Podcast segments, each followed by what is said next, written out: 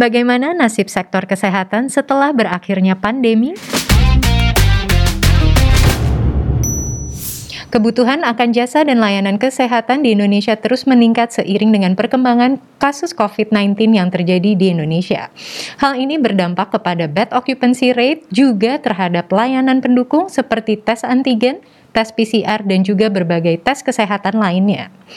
Hal ini memberikan sinyal yang positif kepada sektor kesehatan. Bagaimana potensi perkembangan untuk sektor kesehatan ini ke depannya? Langsung saja kita tanya Joshua Michael, Research Analyst dari Mirai Aset Sekuritas Indonesia. Hai Josh. Hai Al, hai sahabat Mirai Aset. Nah, mungkin bisa diceritakan terlebih dahulu nih bagaimana sih perkembangan situasi COVID yang terjadi di Indonesia selama satu bulan belakangan ini? Ya, jadi sejak awal bulan Juli sampai dengan akhir minggu ketiga di bulan Juli, kasus positif itu berjumlah sekitar 240 ribu. Jadi, kasus di bulan Juli ini aja udah melewatin kasus di kuartal pertama dan kedua di tahun 2021 ini. Jadi bisa dikatakan kalau jumlah kasus selama satu bulan terakhir ini itu hampir sama dengan yang terjadi selama satu kuartal alias tiga bulan ya? Betul, jadi memang kasus positif COVID di bulan Juli ini memang luar biasa banyak ya. Oke, nah bagaimana dengan positif rate-nya itu sendiri? Kalau untuk positif rate tes PCR, itu naik signifikan ya kalau kita lihat dari 27% yaitu rata-rata di bulan Juni jadi 34 persen, yaitu rata-rata di bulan Juli. Jadi man on man itu naik sekitar 7 persen. Nah, positif rate tes PCR itu di bulan Juli puncaknya ada di 48 persen.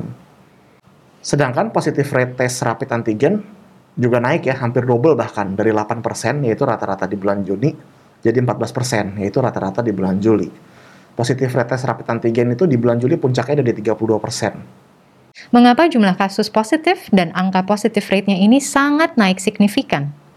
Nah, kalau kita lihat sini bisa dikaitin sama varian-varian baru COVID ya yang mulai masuk ke Indonesia. Jadi kan varian COVID yang masuk ke Indonesia sejauh ini ada tiga yang besar gitu. Yang pertama itu Alpha yang berasal dari Inggris, yang kedua itu Beta yang berasal dari Afrika Selatan, dan yang ketiga Delta yang berasal dari India. Nah, ketiga-tiga varian virus COVID ini udah masuk varian of concern, yang artinya udah ditemukan bukti bahwa varian ini lebih cepat menular, lebih parah, dan lebih sulit untuk dilawan oleh antibodi tubuh. Dengan adanya varian baru yang hadir di Indonesia, bagaimana prediksi potensi kenaikan kasus COVID-19 hingga akhir tahun? Kalau di bulan Agustus, kalau kita lihat sih masih cukup tinggi ya jumlahnya ya. Tapi kalau kita lihat sih akan lebih rendah dibandingkan bulan Juli sedikit. Karena kalau kita lihat kan uh, Presiden Jokowi juga sudah mengumumkan PPKM level 4 ya, yang akan berlangsung sampai dengan tanggal 2 Agustus. Jadi hal ini harusnya sih cukup membantu untuk menurunkan jumlah penyebaran virus. Kalau kita asumsikan bahwa vaksinasi ini cukup efektif dalam mengurangi resiko penyebaran COVID dari varian baru, harusnya tren penurunan dari kasus COVID ini bakal berlanjut sampai dengan akhir tahun.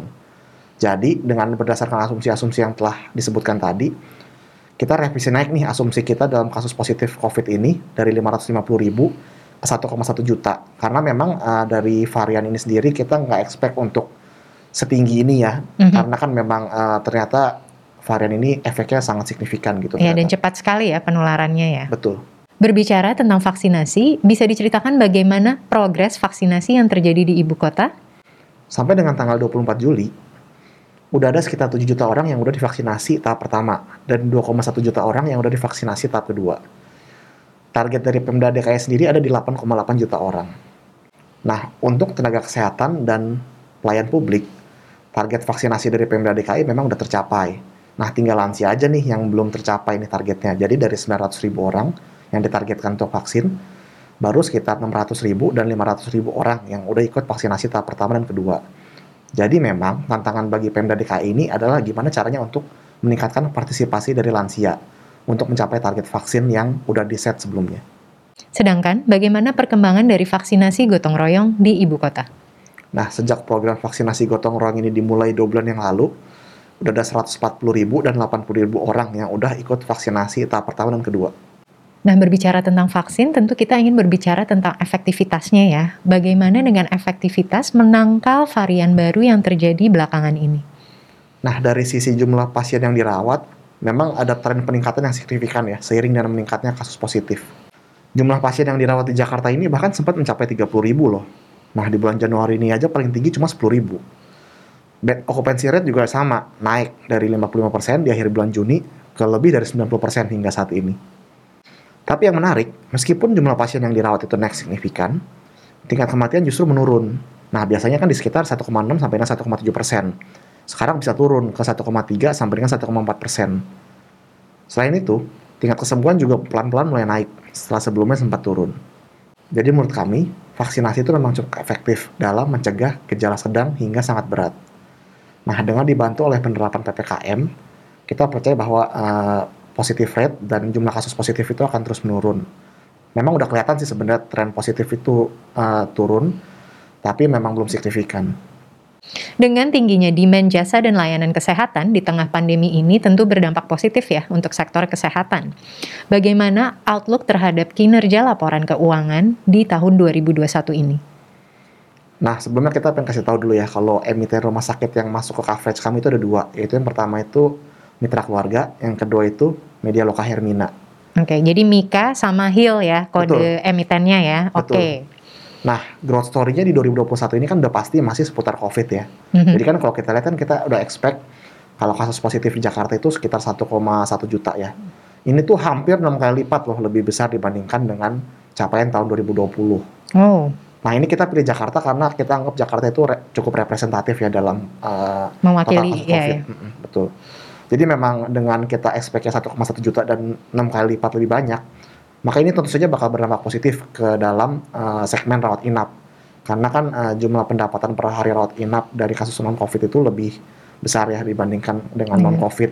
Okay. Selain itu juga uh, jumlah hari rawatnya, rawatnya ya? itu juga lebih tinggi. Lebih panjang ya, ya betul, apalagi betul. dengan adanya si Delta varian ini ya. Betul. betul. Oke. Okay.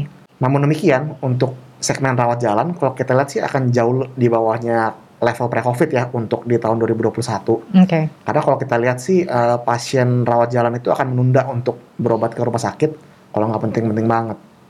Ya memang sih untuk berobat jalan ataupun menjadi pasien yang walk-in itu membutuhkan banyak persyaratan tuh untuk masuk ke rumah sakit itu sendiri dan untuk mendapatkan pengobatan ya. Iya betul. Jadi memang ada beberapa rumah sakit yang mewajibkan untuk PCR dulu misalnya. Jadi memang itu kan ekstra cost lagi ya. Mm-hmm. Gitu. Jadi memang kecuali penting-penting banget sih mungkin orang akan memilih untuk menunda. Kami memperkirakan pendapatan dan laba bersih untuk Mika di tahun 2021 akan tumbuh sebesar 35% dan 47% ke 4,6 triliun dan 1,2 triliun. Untuk Hill, kami memperkirakan pendapatan dan laba bersih di 2021 akan tumbuh sebesar 22% dan 41% menjadi 5,4 triliun dan 668 billion. Ke depannya tentu kita berharap agar jumlah kasus COVID yang terjadi di Indonesia dan juga di ibu kota ini terus menurun.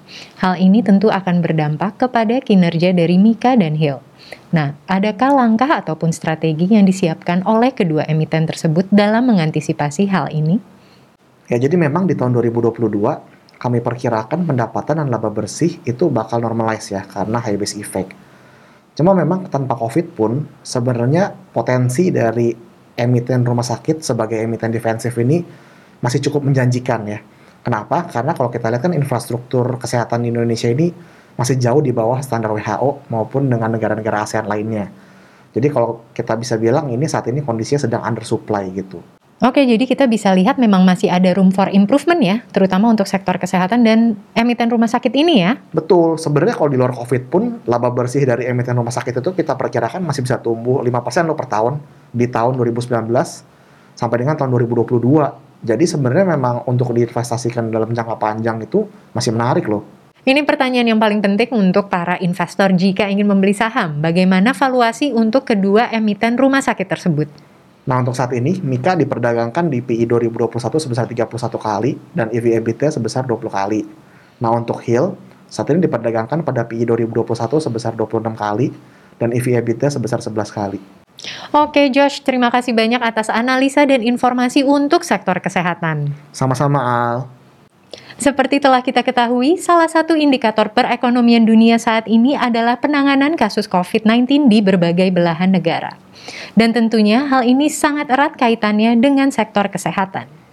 Semoga informasi yang telah disampaikan oleh Joshua Michael, research analyst dari Mirai Aset Sekuritas Indonesia, dapat membantu sahabat Mirai Aset untuk menentukan langkah strategi investasinya.